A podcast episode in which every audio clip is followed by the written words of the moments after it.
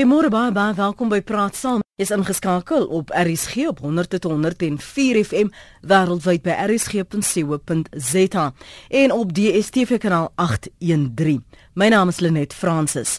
Die minister van Openbare Ondernemings, Lind Brown, het aangekondig dat sy die raad opdrag gegee het, die Eskom Raad, om hulle besluit om Brian Molefe as bestuurshoof van Eskom weer aan te stel te herroep. Die kragverskaffer is al vele, een van vele staatsbeheerde maatskappye wat daarvan beskuldig word dat hulle onreëlmatige kontrakte met die Guptas het en deur staatskaping verswelg is. So vanoggend kyk ons na die mandaat van staatsbeheerde maatskappye en hoe hulle gebruik word in hierdie staatskapingsmissie. Ons praat vanoggend met professor Janie Rousseau. Um ons kan ongelukkig net 'n rukkie met hom gesels want hy het 'n baie belangrike voorlegging wat hy moet uh, doen. Maar ek wil vir jou dankie sê dat jy vir my ekstra tyd gegee het vanoggend. Professor Janie Rousseau, dis baie belangrik. Um ek waardeer jou tyd. So aanvanklik sou ons nou net gefokus het op wie almal moontlik betrokke kon wees hoe hierdie prosesse werk, maar na hierdie stelselmatige onthullings vanoggend met uh, die Hitsmerk Gupta leaks op sosiale media deur uh, Daily Maverick en Amobongane is die omvang van hierdie staatskaping en die rol wat staatsbeheerde maatskappye daarin gespeel het, laat jou kop suis, jou breinselle vries. Professor Janie Rousseau, hoe en is dit moontlik om 'n reeks van hierdie staatsbeheerde maatskappye Eskom, Transnet, Prasa om 'n vinger in al daardie bedrywighede te kry en die mandaat van daardie maatskappye tot hierdie vlak te beïnvloed? Môre net net 'n goeie môre aan die luisteraars en baie dankie aan almal in die ateljee wat die program moontlik maak. Net die kort antwoord op jou vraag is, jy het nie Zuma aan jou kant. In ander woorde, omdat jy in Zuma kop en een mis is, soos die Gupta's en die familie met nie Zuma is, maak jy seker dat 'n raad aangestel word wat ehm uh, die vriende van meneer Zuma sal bevoordeel. So bygevolge is dit dan maklik om besluite te neem wat tot die Gupta familie se voordeel sal lei. Ek wonder tog daarin in hierdie staatsondernemings waar hulle ouditeure was, ek kom dan nooit ouditeurs verslae was wat hierdie skandale aan die lig gebring het nie, want dit is waarskynlik op sy eie gesprek ander geleentheid. Hmm. Wat ek moet erken ek onderskat het, is hoe 'n groot rol hierdie staatsbeheerde ondernemings in die totale staatskaping gespeel het. Ek het ek het gedink die staatskaping is meer direk by staatsprojekte uit staatsdepartemente betrokke ek het persoonlik regtig die rol van hierdie staatsondernemings in staatskapings onderskat. So hierdie skandaal is nog baie groter as wat ons gedink het. En, en dit het blyk uh, uit van hierdie oor die 200 000 eposse wat wat oor 'n tydperk nou aan ons as Suid-Afrikaners blootgestel geword sodat ons die omvang um, en die intriges van hoe dit gedoen is, uh, miskien beter sal verstaan in in soos wat uh, Sam Sal van Abu Mongani sê, gaan is daar genoeg getuienis sodat daar arrestasies kan wees want die die omvang is so diep en is so ingewortel dat ons as doodgewone uitsaaiers of joernaliste of sportaanbieders nie die omvang sal kan begryp nie en en en en veral met al die onderlinge wat ons verlede week gesien het. Wat is die mandaat of wat was die wat dit was dit veronderstel om te wees van hierdie staatsbeheerde maatskappye? Wat het hulle gedoen of was hulle veronderstel om te doen voordat 'n familienaam soos Gupta op die toneel verskyn het? Kyk, uh, dis baie eenvoudig. Die staatsbeheerde ondernemings moet sekere dienste lewer. Daar's meer as 700 van die staatsbeheerde ondernemings. En ek moet my haas om te sê dat ek seker daarvan is party van daardie 700 staatsondernemings word baie goed en baie pligsgetrou en baie noukeurig bestuur. So ons moet ook nie die fout maak om te sê alle staatsondernemings nie. Ek is seker daarvan Daar is staatsondernemings waar alles goed en reg gaan en ek het simpatie met die mense wat oomblik by daardie staatsondernemings werk waar dit goed en reg gaan want hulle word nou almal met 'n breë kwas onder staatskaping geetiketeer. Maar in kort met staatsbeheerde ondernemings is kom ons is Transnet sekere dienste lewer. Eskom elektrisiteit, Transnet vervoerdienste, SAL vliegdienste. Maar seker is dat hierdie dienste hoef nie deur die staat gelewer te word nie, soos SAL. Ek persoonlik is van die mening ons moet dit sommer net weggee. SAL het geen waarde nie, maar dit is nou duidelik dat die regering aan hierdie staatsondernemings, veral die bekendes en die grootes vasklou juis om dit as 'n instrument vir staatskaping te gebruik. As hulle veronderstel om winsgewend te wees, wat is hulle doel dan? Al hulle doel is ten minste om nie verliese te maak soos in die geval van Israel nie. Hulle doel is om dienste te lewer. In eerste instansie gaan dit oor dienslewering. Nou, die hmm. regering is van mening dat hierdie staatsondernemings hierdie dienste goedkoper en meer effektief kan lewer as wat dit deur die private sektor gelewer sal kan word. Dit beteken nie dit kan nie deur die private sektor gelewer word nie. En uh natuurlik deur hierdie staatskaping, deur die dinge wat nou in die lig kom, is dit duidelik dat staatsondernemings wat hier geïmpliseer word baie ver van hulle mandaat afgewyk het. Jy dink dit verwys na die vraag oor waarom daar nie auditeure was nie. Ons berig nou al vir etlike jare oor die finansiële probleme, die wanbestuur um, wat by sekere van hierdie staatsbeheerde um, maatskappye plaasgevind het. Hoe besluite geneem is sonder om byvoorbeeld met 'n raad te konsulteer waarom word al daardie prosesse geïgnoreer wanneer iets soos enige maatskappy sekere prosesse in plek het wat hulle verantwoordbaar hou wat die checks and balances um verseker? Hoe hoe kom en hoe het hulle vir so lank daarmee weggekom seker is om elke keer hierdie sogenaamde by al die die die die uh, miljoene te kry om net aan te gaan en nooit verantwoordbaar gehou te word vir waarom doen jy nie wat jou mandaat is nie Maar natuurlik, die minister moet dit tot verantwoording roep en die mm. minister jy nie tot verantwoording roep nie. Is duidelik oor 'n lang tyd hier gebeur het, is daar nie behoorlike verantwoordbaarheid nie. Dit lyk daar nou of minister Lynn Brown is lag wakker geskrik. Dit sins lankal wakker geskrik het. Sy was regtig aan die slaap by die stuurwiel deur te sê sy wil binne 48 uur 'n nuwe uitvoerende hoof by Eskom hê. Maar sy probeer nou te laat iets doen. Ek wil sê dis te min te laat. Dan moes lankal opgetree gewees het, maar in elke geval was die beskerming van die staatshoof natuurlik daar. Want meneer Zuma, soos ek in die begin gesê het, staan geïmpliseer in die middel van al hierdie uh staatskapingsaktiwiteite. Adri sê hierdie besighede met Zuma en die Guptas is 'n groot probleem wat van die Chinese. Um hulle word ook in een van hierdie verslae um genoem en na verwys uh, veral met die aankoop van treine en die vervaardiging, uh, maar dis natuurlik ook net nie al die Chinese nie, miskien ons ook net vir sommige mense dit stel dat daar nie die persepsie geskep word dat ons van al die Chinese praat nie. Ons praat van sekere maatskappye. Die regering sit met 'n klomp geldgierige ministers.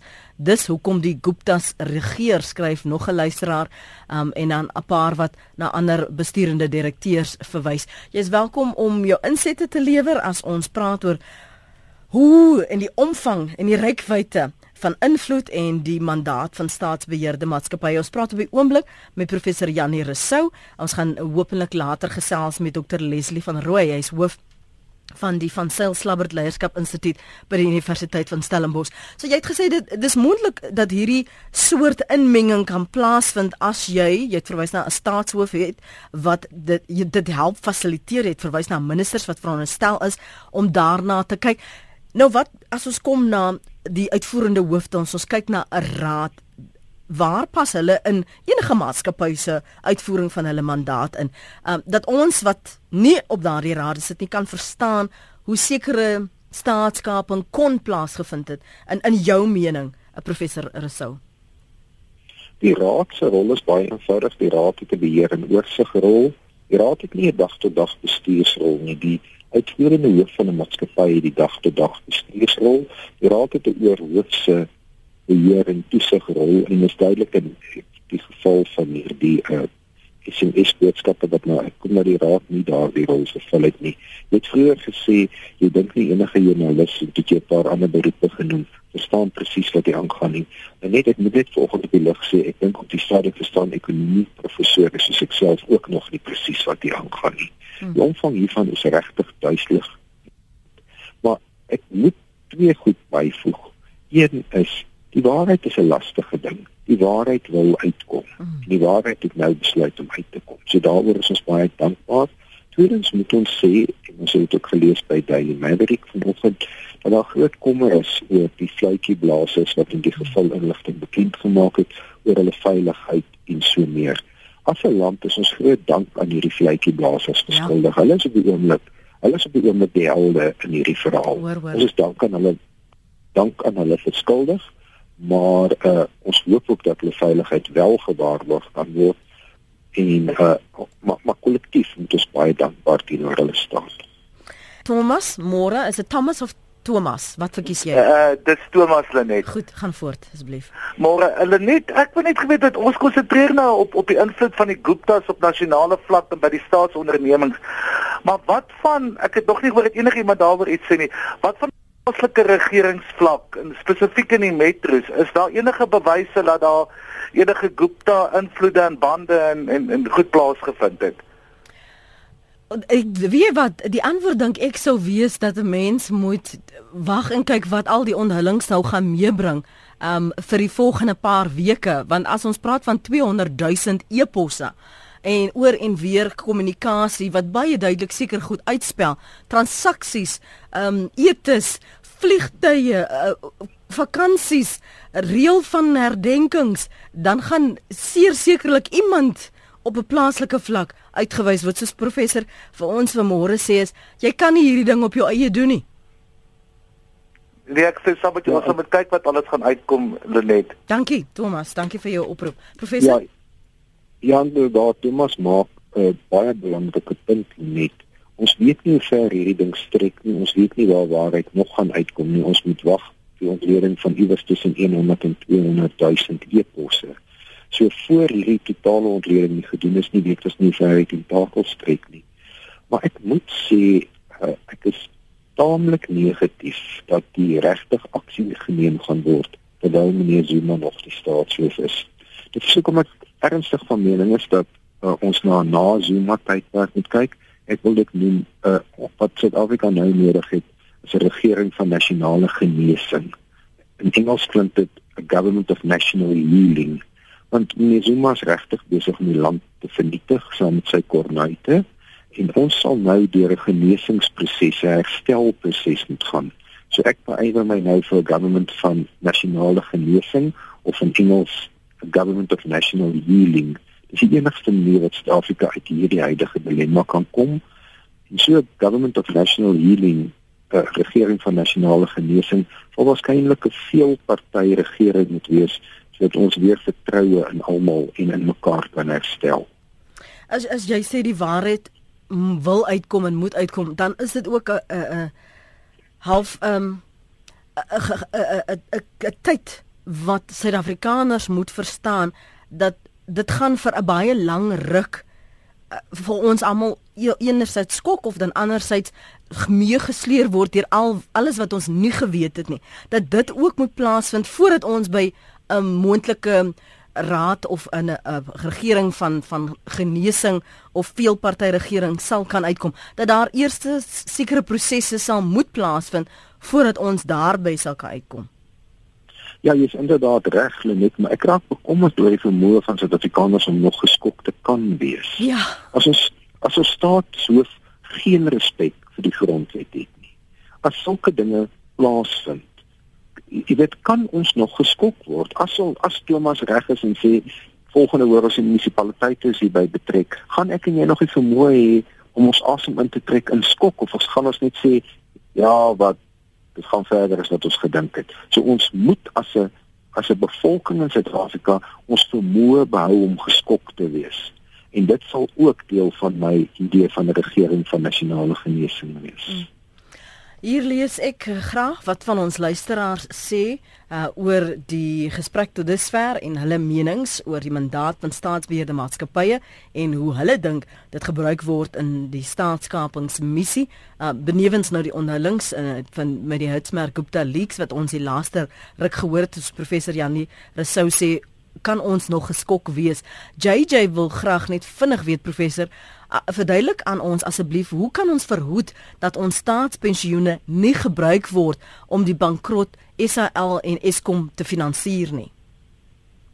JJ maak 'n baie belangrike punt. Dit is baie belangrik vir staatsamptenare, lede van die regeringsdiens en pensioenfonds wakker te wees om vergaderings van die fonds by te woon, druk op hulle trustees te plaas oor die aanwending van daardie geld om seker te maak dat dit verantwoordelik en in belang van die lede aangewend word eerder as in belang van meneer Zuma en sy koördineite.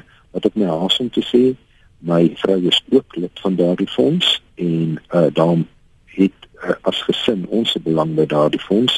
Die enigste manier wat hier nou seker gemaak kan word daardie fonds word beskerm is lede wat moet optree en lede moet ook hulle vakbonde gebruik om hulle te help om seker te maak dat die fonds beskerm word. Vakbonde het ook 'n uh, verantwoordelikheid teenoor hulle lede en daardie verantwoordelikheid teenoor hulle lede na my mening strek tot by hulle pensioenfonds belange. Johnny, dankie vir jou oproep. Kom ons hoor môre. Môre uh, Lenet, hier is net baie interessant. Ek gesels maar altyd van die landbou se kant af. Ehm um, die staatskaping veral nou rondom Eskom. Weet jy dat die son in die windplase in die in die land is meeste van hulle is af. Ek het nou die dag of toevallig maandag hier by Victoria Wes gery en ek vra toe daar uh, ouma, hoekom is dit af? Hy sê wel hulle het dit nie nodig nie. Nou die feit van saak is is dat ek kan nie verstaan dat ons kragtariewe styg in landbou en ons hierdie geweldige heffings betaal uh om vir Eskom te betaal nie. Ehm um, jy weet nou sê die ou vir my dis 'n totale rookskerm om om te om om te verifieer hoekom het ons uh, hoe hoekom het daar steenkool aangekoop? jy jy verstaan. Nou sê die nou sê ons hoofmeneer daar van Eskom dat daar gaan beerdkrag wees. Jy weet sulke twak. Ehm um, het ons mos nou nie meer nodig en ons kan ons nou sien uh, al die al die goed wat nou meedoen uh om die staatskaping soort van uh jy weet dat die agter die skerms te verdwyn. Maar ek wil net sê daar's oor genoeg krag by Eskom. En en en die bestuur is is hopeloos want as die as die as die hernubare krag af is, ek meen dan moet daar mos genoeg krag wees, maar dit is net om goed te praat om om, om steenkool te kry. Dit is sommer sommer so terloops. Baie dankie. Goed Johnny, dankie daarvoor. Uh Werner. Ons luister. Môre môre. Môre Lenet. Ehm um, ja, ek ek wil net sê ek het ehm um, hierdie storie laat my dink in die in die 90's was daar in Swede 'n uh, ehm um, 'n minister gewees wat gestaan het om om dan nou eerste of, of om president van Swede te word um sy het sy het 'n uh, chocolate 'n Toblerone chocolate gekoop met haar kredietkaart en dit of met die met die natuurlik met die regeringskredietkaart en dit nooit terugbetaal nie. Um sy toe nou natuurlik toe kon sy nie president word nie en dit is net vir my verskriklik hoe ons ek word vanoggend wakker en en my reaksie tot hierdie hierdie nuwe onthullings is net dit is net nog 'n dag nog 'n onthulling.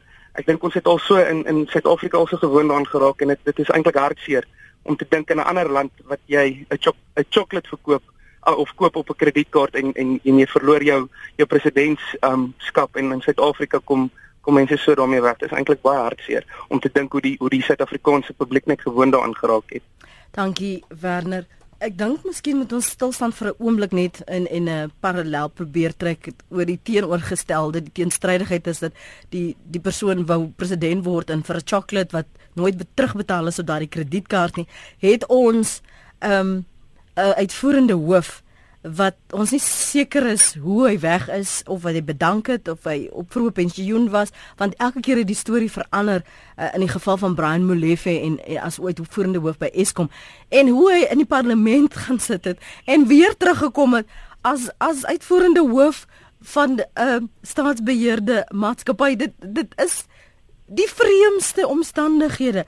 Maar moet ons dit as Suid-Afrikaners nou al hieraan gewoond wees dat in hierdie tye wat ons praat van staatskaping is dit maar die norm nou professor? Hulle net uh, hierdie hele debakel rondom Brian Molefe is natuurlik iewers tussen 'n Griekse tragedie en 'n groot bedrogspel ek weet nie of ek moet lag of huil nie. Uh, dat daar nie 'n duidelike antwoord kan wees nie en natuurlik is die voorsitter van Eskom nou ook hierin geïmpliseer. Wat my regtig ontstel is ons vorige vorige oproep oor windplase en sonkragplase wat staan, maar Eskom wat terselfdertyd vir die inwoners van Suid-Afrika afdreig met die moontlikheid van beerdkrag. Eskom is 'n boelie. Op hierdie oomblik is Eskom besig om mense in Suid-Afrika te boelie. As ons nie ons sin kry nie, gee ons vir julle beerdkrag. Julle beter vir ons laat doen wat ons wil, anders kry julle beerdkrag. Nou net so 'n opmerking onder hierdie omstandighede is in sigself 'n ondersoek werd. Die staatsonderneming soos Eskom mag nie die inwoners van die land afdreig nie. Hulle moet vir inwoners van die land sê, dis 'n gevaar van beurtkrag en hier's ons 10 planne wat ons in plek gaan sit. Op hierdie oomblik is Eskom besig om Suid-Afrikaners te boelie met die gevaar van beurtkrag ten einde hulle sin te kry. Ek sê mos vir julle net, ons vermoë om skok is besig om oor te gaan. Ons is nie eers meer geskok as Eskom ons boelie nie. Daar's 'n ander punt wat jy net nou gemaak het en ek wil vinnig by die amptenare, die gewone Jan en Anna en Kolani wat werk in hierdie staatsbeheerde maatskappye. Jy het gesê as daar nie 'n minister is wat moet ingryp nie of wat nie hulle werk doen nie, dan het jy dit ten minste die volgende vlak is 'n raad, 'n uitvoerende raad wat hierdie besluitnemingsprosesse moet monitor, wat moet seker maak dat alles wat moet gebeur volgens wet, uh, maatskappywette, landswette wel gebeur.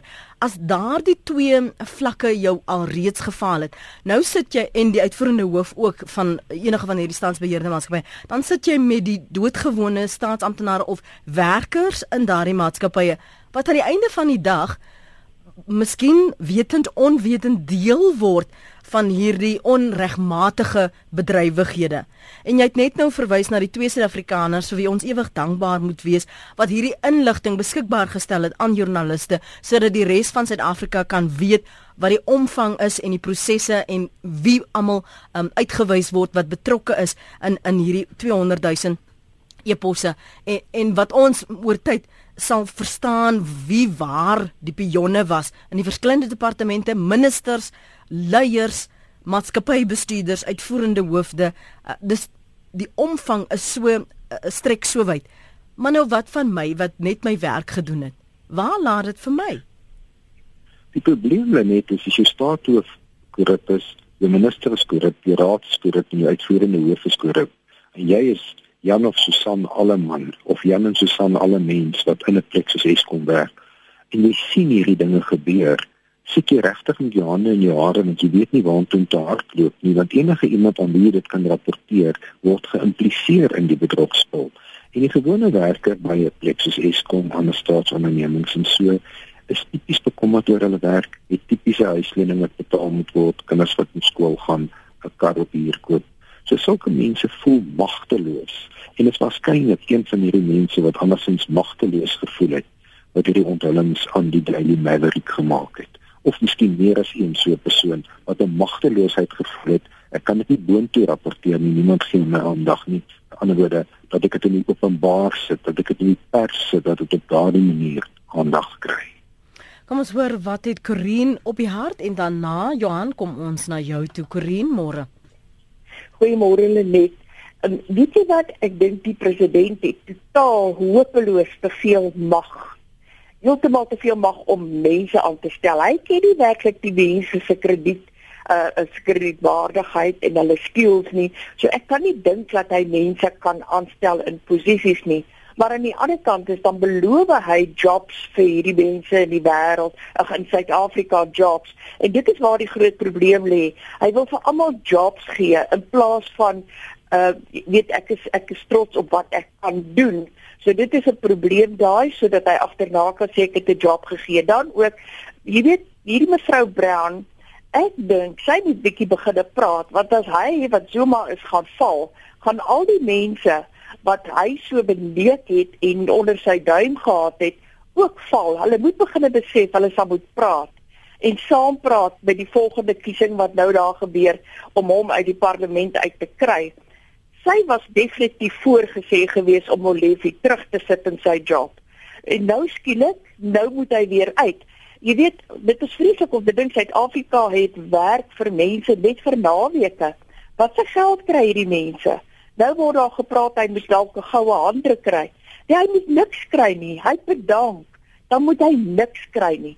So eers langs die pad moet ons besef dat hierdie man regeer die parlement en nie hierdie land nie want daar word altyd gesê as daar 'n verkeersprobleem is omdat die mense al optog het ry 'n ander pad dit wys vir jou dat al die verkeerde dinge word goed gepraat los die toi toi dit mag gebeur dit mag afbrand julle mense wat werk vir die vir die belasting julle moet verontrie word en ons is besig om moeg te word daarvoor maar intussen was ons opgebring gewees as groot mense om te respek te hê vir mense wat ons meerdere is. Dit is ons leiers. Maar nou wat maak ons? Hoe gaan ons hulle uitkry? Dis al wat ek vra. Dankie hoor. Dankie vir jou mening, Corin. Johan, dankie vir jou geduld. Môre. Môre Lenet, dankie vir die geleentheid. Lenet, ons ons hoor nog van al die onheilighede wat nou plaasvind en dan nou hoop ons dat as die ding nou uh, tot 'n val kom dat daar mense vervolg sal word en dat die lig gesuiwer sal word en almal sal dankbaar wees. Maar jy weet, ek is nie so dat so seker daaroor nie want ons het nou al reeds 'n voorbeeld gehad dat dit so maklik wees nie. Nadat Herman Mashaba die die burgemeester van Johannesburg het nou 'n klomp senior amptenare afgedank en hulle is aangekla. En wat gebeur? Uh uh die nasionale vervolgingsgesag, hulle gaan nie verder daarmee nie. Hierdie mense sit by die huis en kry hulle salarisse. So, jy weet, selfs daardie vervolgingsgesag owerheid wie hoe dit ook al mekaar steek, selfs dit is besmet.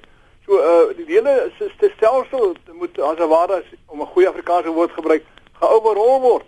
Want want wat help dit nou mense wat jy wil in 'n hof toe vat, maar daar daar vervolging word uitgestel en uitgestel en, en daar gebeur niks nie. So dit is die volgende dilemma waar ons mee gaan sit as die dinge moet uh, reggestel word. Dankie Lenet hoor. Baie dankie daar. Miskien jou kommentaar um, na aanleiding van wat ons luisteraars sê en raak aan vervolging want wie gaan vir wie vervolg as die nasionale vervolgingsgerag en die polisie nog steeds beklei en dreig om mekaar verder te ondersoek en te vervolg?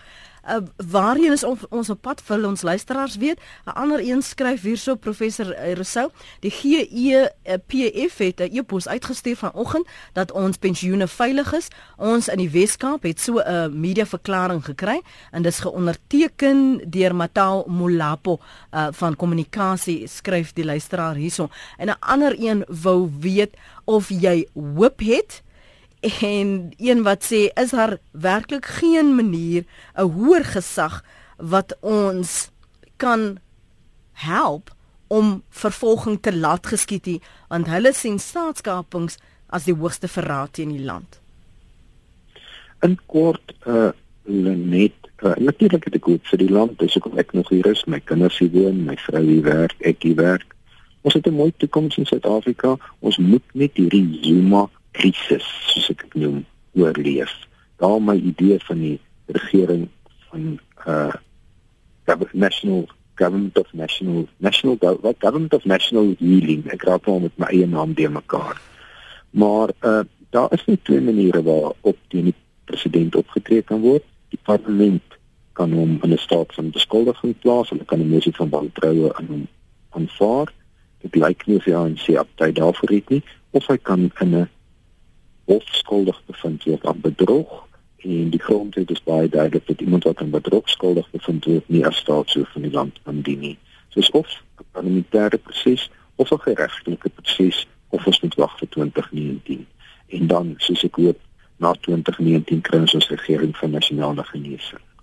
Baie baie dankie vir jou tyd en dat jy vir my ekstra tyd vanmôre gegee het professor. Sê ook dankie aan die organiseerders daar, waardeer jou. Dit was professor Jannie Rousseau.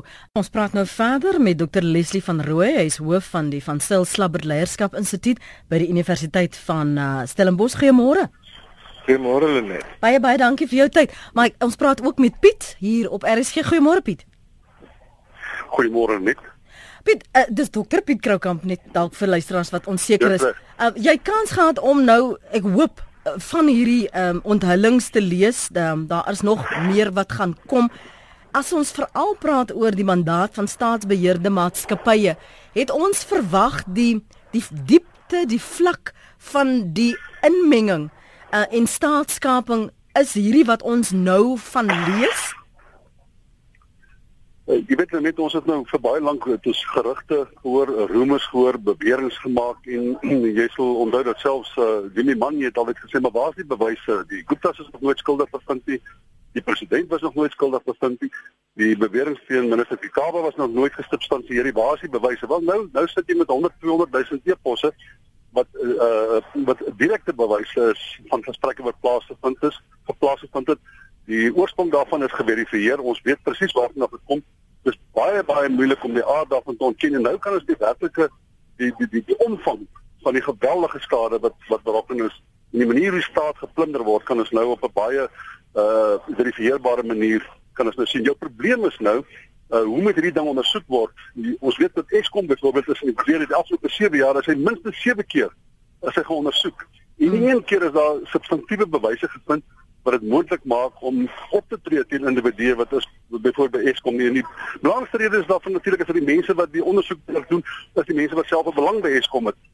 Nou die vraag gaan nou wees, waar gaan die ondersoek plaasvind? Nou, ek sou wou raai die, die spesiale ondersoekeenheid is nie die aangewese plek nie. Die volk is nie die aangewese plek nie. Die polisie is nie die aangewese plek nie. Uh skulp wat die die die, die, die rykwyte moet doen nie die openbare beskermer is effens gediskrediteer so sy's nie werklik uh die, die ek weet ek nie of binne die kapasiteit het dit is 'n geweldige omvang waarvan ons praat.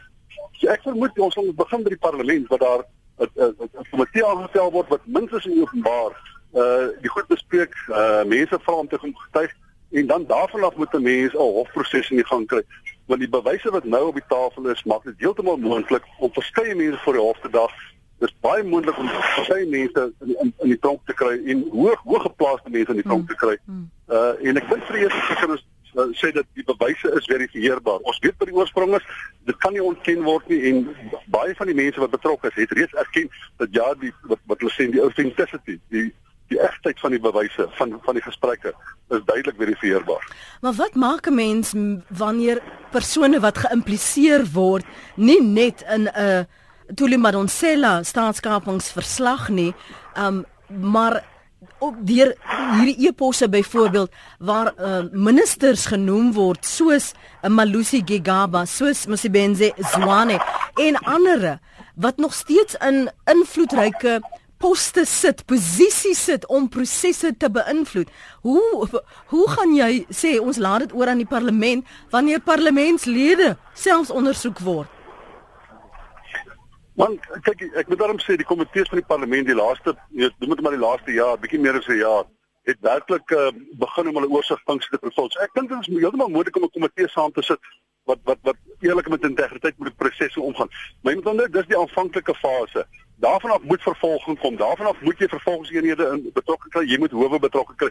Dan dit sal 'n filterproses wees. Maar dit is inderdaad so. Jou probleem is dat dat dat mense wat in belangrike posisies sit binne die parlement, binne die ondersoekeenhede, binne die parastatale, almal van hulle word op 'n manier geïmpliseer wat die ondersoek baie baie moeilik gemaak. Maar die feit bestaan is ons het 'n baie baie aggressiewe militante media, ons het 'n baie aggressiewe burgerlike samelewing. As ons die druk onthou wat ons die laaste 2, 3 jaar gedoen het, en dit dit moet mense ons toegee. Ons het geweldig baie druk gesit op op op op, op ondersoekeenhede op die staat, op die parlement. As ons hierdie druk kan volhou met tertyd sal die proses homself suiwer. So ek is optimisties dat as ons aangaan dat ons nou doen wat ons nou doen, as ons die proses in die oop kan kry, as ons 'n parlementêre proses kan kry, as die media kan bly doen presies wat hulle nou doen, as die uh whistleblowers, die pleitjieblassers hmm. beskerm word en hulle kan aangaan en doen wat hulle nou doen, het ons werklik 'n kans om minstens die ding op die tafel te kry en met tyd sal daar 'n suiweringsproses wees. Maar ek ek ek weet ons ons regstelsel tot nou toe nie sleg gedoen om hierdie dink tot weet tot 'n konklusie te dryf nie. Laat ons dit oor aan nie regeringsorganisasies soos die ehm um, van die die ver, verskillende uh, foundations byvoorbeeld Helen Suzma Foundation, ons praat van Section 27. Laat ons dit oor aan hulle oppositiepartye om hierdie Safe South Africa om hierdie prosesse te dryf of staan ons net terug en en laat hierdie ding uitspeel. Wat dryf dit? Waar begin jy as jy byvoorbeeld sê formeel aangekla word? Hier is nou bewyse, opvolgondersoeke. Waar moet daai proses begin sodat mense of dan nou instansies gemobiliseer is sodat soos jy praat van drukking verder kan opbou sodat Suid-Afrika gered kan word? Ja, kyk, ironies genoeg is 'n uh, uh, hierdie tipe van aktiwiteite en die ontstaan van die EFF en die aggressiewe militante natuur van die EFF het uiteindelik gelei tot die split binne die ANC. Dat daar nou twee kampe selfs meer kampe is, maar minstens twee pertinente kampe is. En daar's nou politieke kapitaal te maak vir iemand soos Ramaphosa dit te sê maar ons moet hierdie goed behoorlik ondersoek soos wat hy nou gemaak het toe met die Kusatu gepraat het. Volgende week gaan byvoorbeeld daar 'n vergadering tussen die uh, drie party alliansie, hulle uh, politieke komitee gesprek wat gaan plaasvind. Verseker gaan hierdie goed daar op die tafel kom. En ek dink dit dit is wat belangrik is. Ons moet onthou dit gaan ook oor wat in die politiek gebeur. Die die split wat in die ANC bestaan, gee vir bepaalde noem dit nou maar faksies, 'n insentief om druk op te sit om hierdie goed in die in die oop te kry. Miskien met 'n politieke agenda, maar dit was nie saak hoe se daar kry nie. Solank as wat die gesprekke in die gesprekke in die oop kom en uiteindelik as ons die goed tot op die regstelsel kan kry, dan dink ek is daar 'n werklike kans dat ons uh, dat ons 'n vorm van geregtigheid kan sien. Maar die feit bestaan is om daar vaar baie mense gaan wegkom. Uh, dat daar's meer as uh, 800 klagtes teen die president vir baie jare al en hy's nog steeds nie een dag in die hof gespandeer daarvoor nie. So baie mense gaan waarskynlik wegkom, maar die feit bestaan dat daar is 'n tipe van 'n suiweringsproses binne in die staat. Beter tyd uiteindelik hoop ek dat dit 'n beter regering lei, beter finansiële bestuur lei en 'n groot bestendigheid lei.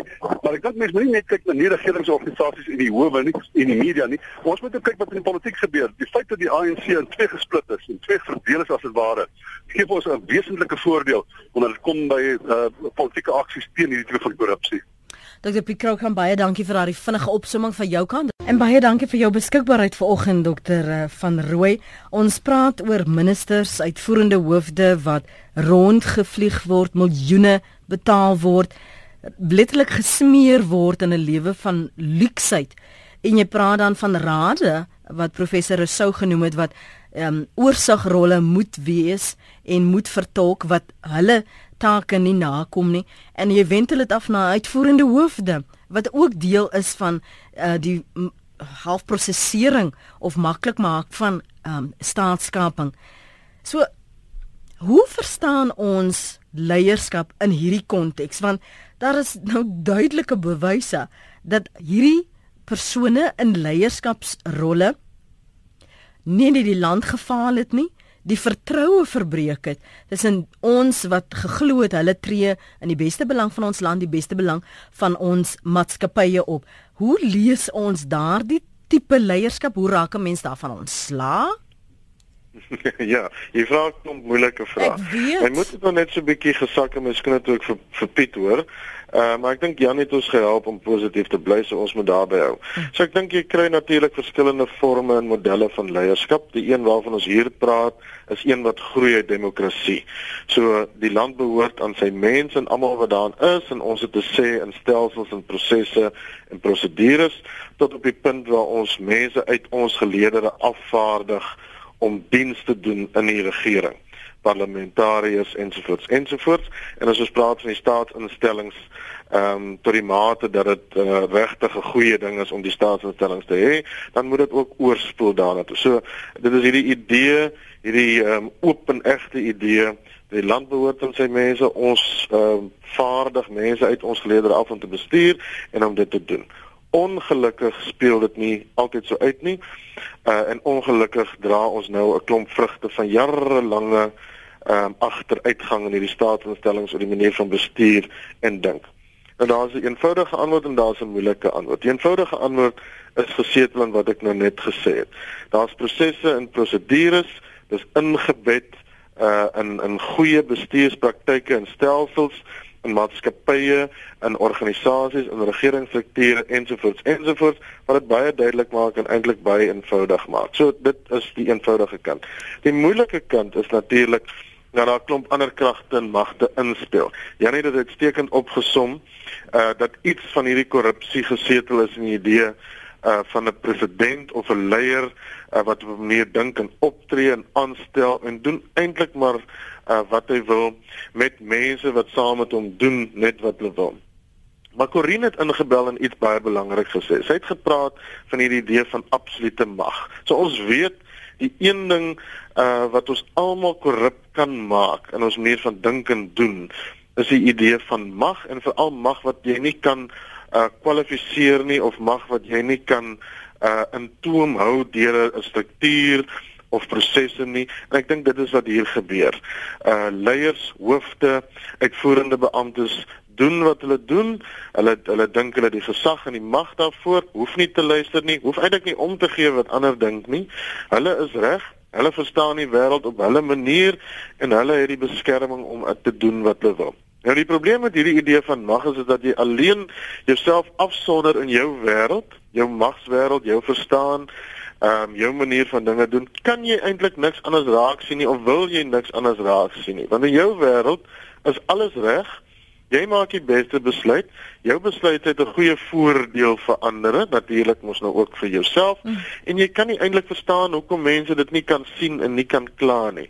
Nou die oorsigrol van enige raad of enige struktuur soos ook in die parlement is juis om oë te wees en gedagtes te ruil en te informeer sodat ons nie in hierdie magsidee vasgevang is nie en dat ons 'n klomp ander goed kan sien. Dit bestaan tans in hierdie instellings nie, staatsinstellings nie. Dit bestaan nie in ons idee uh van gesonde leierskap tans in 'n groot gedeelte van die regering nie en dit maak dit baie moeilik dan uh om daadwerklike diep verandering te hmm. bring. Hmm. Twee twee dinge. Een, 'n kommentaar van Pieter in Somerset Wes. Hy skryf: "Ek blameer kader ontplooiing vir staatskaping uh Suma het dit ververmaak en het dit suksesvol van senior politieke poste na senior uitvoerende poste uitgerol. Mense sonder ervaring of opleiding is in bestuursposte ontplooi en moet doen wat vir hulle voorgeskryf word of hulle word van die soustrein afgegooi. Die slegste nuus is dat hierdie ja menere bestuurstyl nou maatskappykultuur in meeste staatsondernemings geraak het. Die werking daarvan word duidelik gesien wanneer jy mense soos Pravin Gordhan en Des van Rooyen met mekaar kontrasteer. Sodra bekwaamheid weer die kriteria vir senior aanstellings in beide die politieke en uitvoerende gesag van die land raak, sal die probleem homself oplos. Stop kaderontplooiing, skryf Pieter in Somerset Wes. Dis sy antwoord. Baie van die luisteraars wil weet, as ons sien die die omvang van hierdie staatskaping in sommige van die staatsbeheerde maatskappye, kan daar 'n omkeerstrategie kom en wat vra so 'n omkeerstrategie? Ja, kyk, ons het al oor baie omkeerstrategieë gepraat in Suid-Afrika, soos in ander lande. Dit is nie net Suid-Afrika wat hierdie staats- of semi-staatsinstellings het nie. Die vraag is of vir dekades gevra en word steeds gevra, het ons hierdie instellings nodig? Moet dit staatsbeheerde instellings wees? Of moet die dienste nie uh of geprivatiseer word of 'n ander uh, tipe bestuursmodel geld nie. Ek dink as dit nie die geval is nie, met ander woorde as dit staats- of semi-staatsinstellings bly, gaan ons hierdie idee van ehm um, uh, of kader ontplooiing of 'n sterk staatsbeheer wat kan uitloop op 'n manier van staatsdiens doen of staatsbeheer wat 'n negatiewe effek kan hê nie net op die manier van bestuur maar natuurlik ook oor die produk van bestuur en dit het ons in van die groot staatsinstellings gesien. Nou reg oor die wêreld as jy hierdie staatsinstellings het op die manier wat dit in Suid-Afrika uitspeel en dit het 'n sterk politieke koppeling dan het jy hierdie idee dat wie ook al regeer en wie ook al bepaal mense en prosesse beïnvloed in die organisasies. Nou ons het gehoop dat Lynn Brown iets anders daarvan ten minste kan raak sien en kan doen en ek dink sy het so 'n bietjie geval na haar idee is bietjie geskend uh, met wat oor die afgelope week gebeur het by Eskom. Maar daar is steeds die hoop dat as jy as jy dit natuurlik nie heeltemal privatiseer nie met ander woorde die SAL is nie 'n staatsbeheerde liggaam nie dat jy hierdie prosesse meer natuurlik kan onthou. Die private sektor is nie noodwendig sonder korrupsie of ontplooiing van 'n hmm. idee in mense nie maar het jy ten minste beter prosesse wat nie direk beïnvloed kan word deur wie ook al regeer en bepaal en rig en dig oor hoe dinge moet gebeur nie. Dit kan is nie so dit kan in daai opsig op omgedraai word Of ons dit kan regmaak soos die model tans is, dit betwyfel ek baie sterk. Ek dink ons is deeglik bewus dat hierdie idee ehm um, gegrond op 'n korrup korrupte verstaan van hoe dinge moet gebeur en swak bestuur en nie verantwoordelike bestuur en 'n verstaan dat mens maar net kan doen wat jy wil en staatskamping 'n uh, kaping wat eintlik maar uitloop aan 'n uh, uitloop op 'n soort steelery dink ek nie kan jy maar net omdraai nie. So jy kan die prosesse volg wat Piet voorgestel het. Ek dink hy maak 'n goeie punt oor die portefeulje komitees van die parlement en die regstelsel. Maar die uiteinde sal waarskynlik wees dat as jy op dieselfde manier bly voortgaan om die ding te rig en te bestuur, die uitkoms nie anders sal wees nie. So ek weet nie of ons die instellings ehm um, enigstens moet probeer red nie. En of ons nie maar ehm um, 'n ander stelsel moet kry en miskien van die staatsbeheerde instellings ehm um, vinniger ontslaa moet raak. Dit as 'n gesprek vir 'n ander dag want dis 'n ander manier van ja. dink ja. oor dit vir instansies wat al so lank saam met ons is. Baie baie dankie vir jou tyd vanoggend hierso op praat saam. Nou verstaan ek ook hoekom Donald Trump Kofefe getweet het want dit voel werklik soos 'n Kofefe. Dankie vir jou tyd vanoggend Dr. Leslie van Rooi. Mooi dag vir jou ook en dankie ook aan Dr. Piet Kroukamp en professor Jannie Resou. Dankie vir julle insette hier op ons SMS lyn en ons webblad. Uh, ons praat volgende uh, môreoggend ekskuus, weer saam hier op 100 tot 104 FM wêreldwyd by rsg.co.za.